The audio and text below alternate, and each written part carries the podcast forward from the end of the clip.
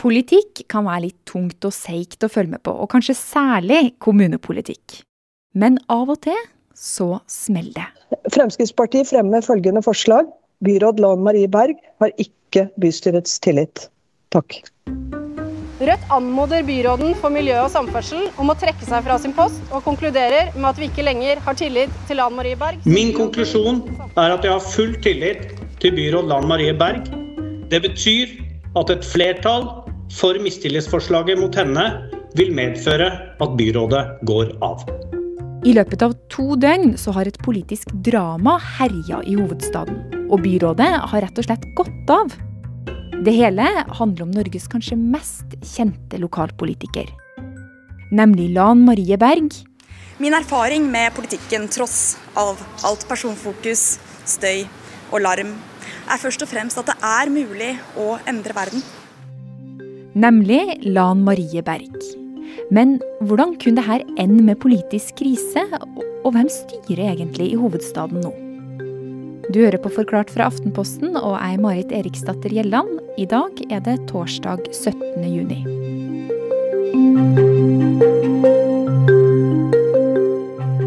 At dette er et politisk drama av de sjeldne. I Oslo-politikken har det ikke skjedd noe lignende på flere tiår, og knapt nok i den uh, nasjonale politikken heller.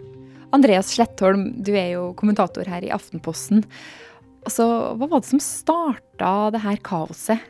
Den 2. juni, etter en høring i bystyret, så fremmet Fremskrittspartiet et mistillitsforslag mot Oslos samferdselsbyråd Lan Marie Berg. Mistillit er et uttrykk for at eh, denne byråden ikke gjør jobben sin overfor bystyret. Hvis du ikke er veldig befart i Oslo-politikk, så ta det med ro. For det her det er egentlig ganske enkelt. I motsetning til andre kommuner så styres nemlig Oslo på samme måte som Norge blir styrt. Så der Norge har Stortinget, har Oslo bystyre. Og der Norge har regjeringa, så har Oslo byrådet. Siden forrige valg så er det Arbeiderpartiet, MDG og SV som har sittet med makta. Men de har vært i mindretall, og sånn sett så har de også vært avhengig av at flertallet i bystyret har hatt tillit til dem for å kunne fortsette. Men denne tilliten har nå Lan Marie Berg mista. Og det hele handler om drikkevannet i byen. Berg er jo ansvarlig for en reservevannforsyning som Oslo skal bygge, som er eh, noe som alle er enige om at Oslo trenger, og som egentlig vi burde fått på plass for 50 eh, år siden. Men som er et kjempedyrt og kjempekomplisert prosjekt som koster veldig mye penger. Eh, og det er jo for så vidt eh, greit, eh, men i revidert Oslo-budsjett nå i mai, så fikk bystyret plutselig vite at eh, kostnadsrammen blir 5 milliarder kroner dyrere enn eh, det de tidligere visste. Ja, for 5 milliarder kroner, det er jo nesten ufattelig mye penger. Altså, Man kan jo forstå at eh, det blir litt upopulært, da definitivt upopulært, men eh, heller ikke så veldig uvanlig med sånne enorme kostnadssprekker på enorme prosjekter. Det, det som bystyret egentlig er eh, opptatt av i denne saken, er ikke selve sprekken, men det at de ikke fikk vite om dette eh, før nå i mai. For mens bystyret ikke ante noen ting, så hadde milliardsprekken lyst rødt på Lan Marie Berg sin PC-skjerm en god stund. I desember så ble hennes eh, byrådsavdeling informert om at det mest sannsynlig gikk på en kjempekostnadssmell i dette prosjektet. I februar så ble denne konklusjonen på en måte endelig.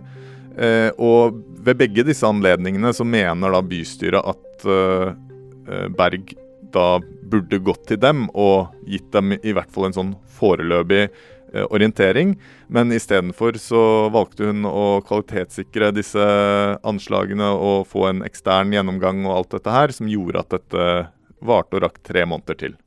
Hm. Så de mener rett og slett at hun har drøyd altfor lang tid da, med å eh, si fra om at her så det ganske rødt ut i budsjettet? Ja, det er hovedbegrunnelsen, sånn jeg oppfatter det fra de fleste partiene. Og så er det også noen som er kritiske til hennes uh, styring, om hun har vært på en måte tett nok på og fulgt opp godt nok. Og det er her saken begynner å bli vanskelig. For en byråd har en informasjonsplikt når det kommer til viktige saker. Men samtidig så finnes det ingen konkrete regler for når man skal si fra om hva. Og Derfor så er Berg og de andre i byrådet uenig med resten av bystyret. Det er jo det som skaper alt trøbbelet i denne saken. her, fordi Byråd Berg mener at hun har oppfylt denne informasjonsplikten og gitt informasjon når den var kvalitetssikret, mens bystyret mener at dette burde de fått vite mye før, fordi da kunne de kanskje ha flere handlingsalternativer enn det de har nå. Så det er nettopp eh, derfor da, at alle partiene, bortsett fra MDG, SV og Arbeiderpartiet, som sitter i byrådet, har sagt at de da ikke har tillit til Lan Marie Berg? Ja, det er riktig. Men jeg tror det kan være lurt å også forstå denne reaksjonen litt i lys av historien.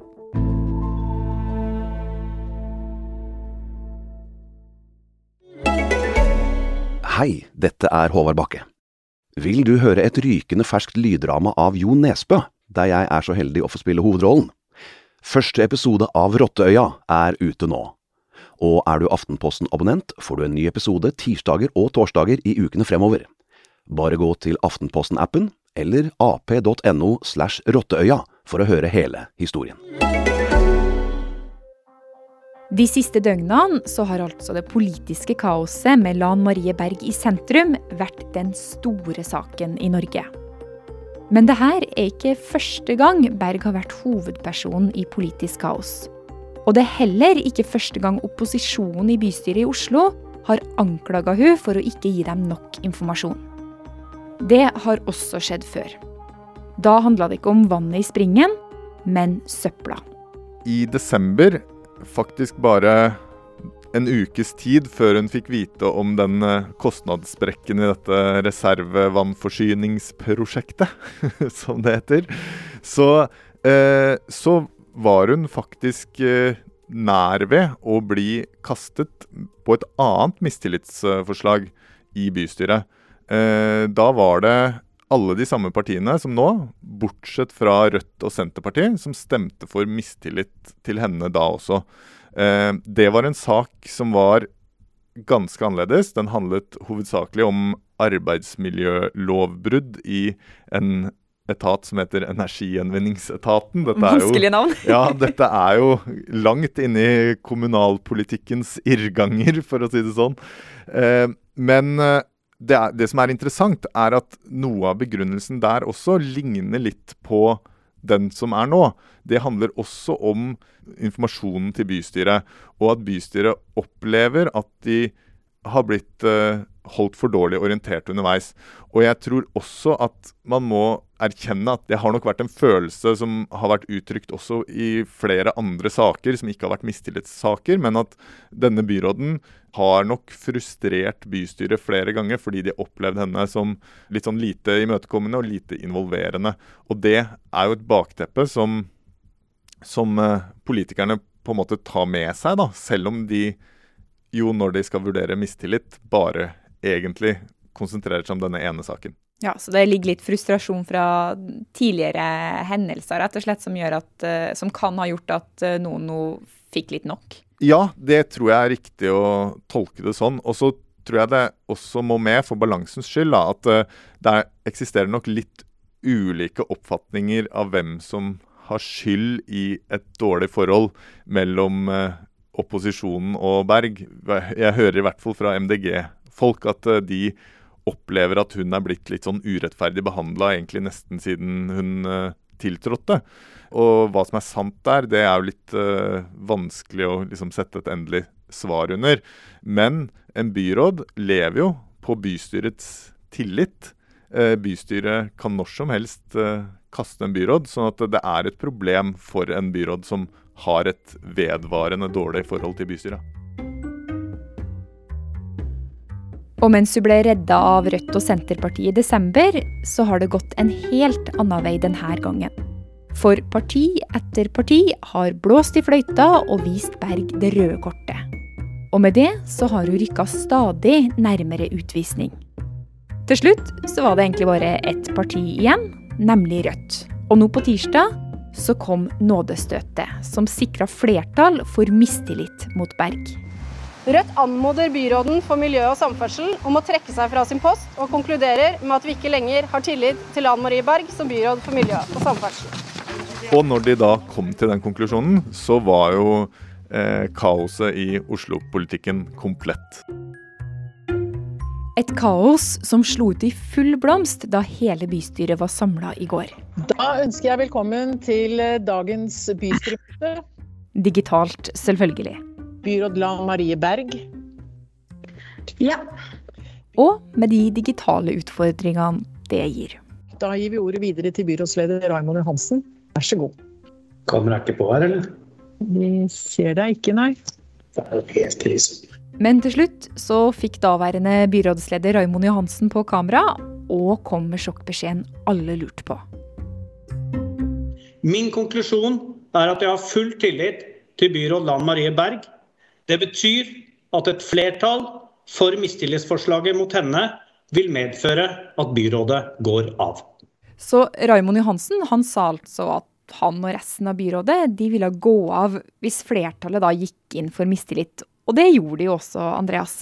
Ja, de lot seg ikke skremme av den trusselen fra Raymond, og fra det sekundet så var da altså Oslo uten byråd, egentlig.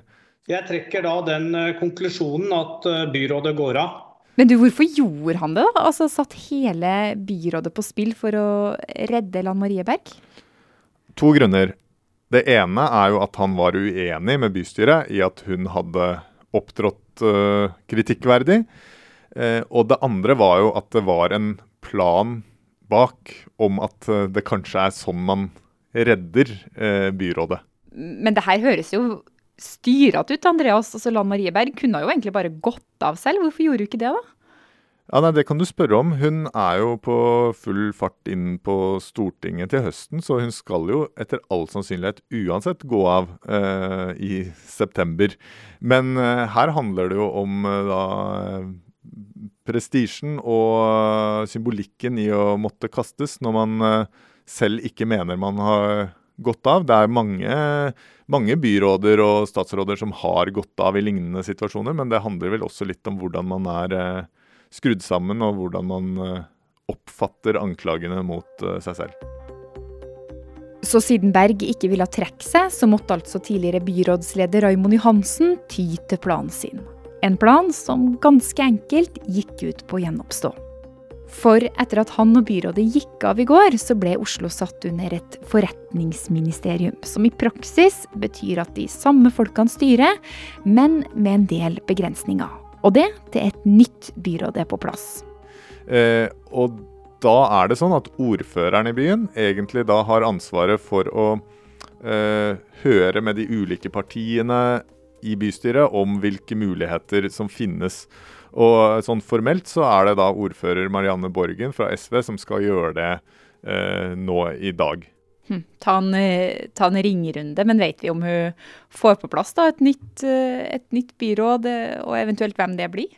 Det kommer sannsynligvis til å gå ganske raskt, fordi det viste seg jo fort at det i praksis er fortsatt et stort rød-grønt flertall i bystyret.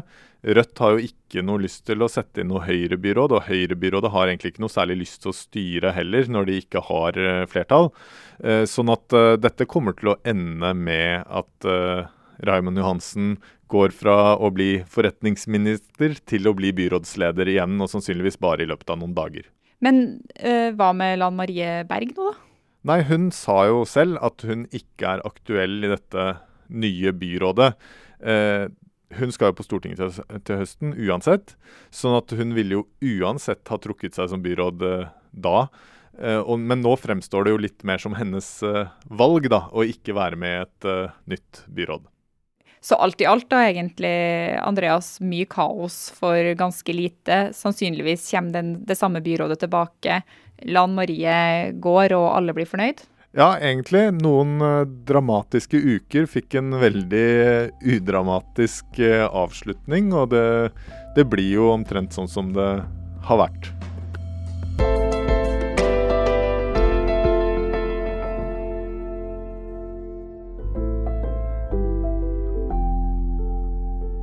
Denne episoden var laga av produsentene Fride Nesten Nonstad og Ina Saan, og jeg er Marit Eriksdatter Gjelland. Resten av Forklart er Anne Lindholm og Guri Leiel Skedsmo. Du har hørt lyd fra VG og Oslo kommune.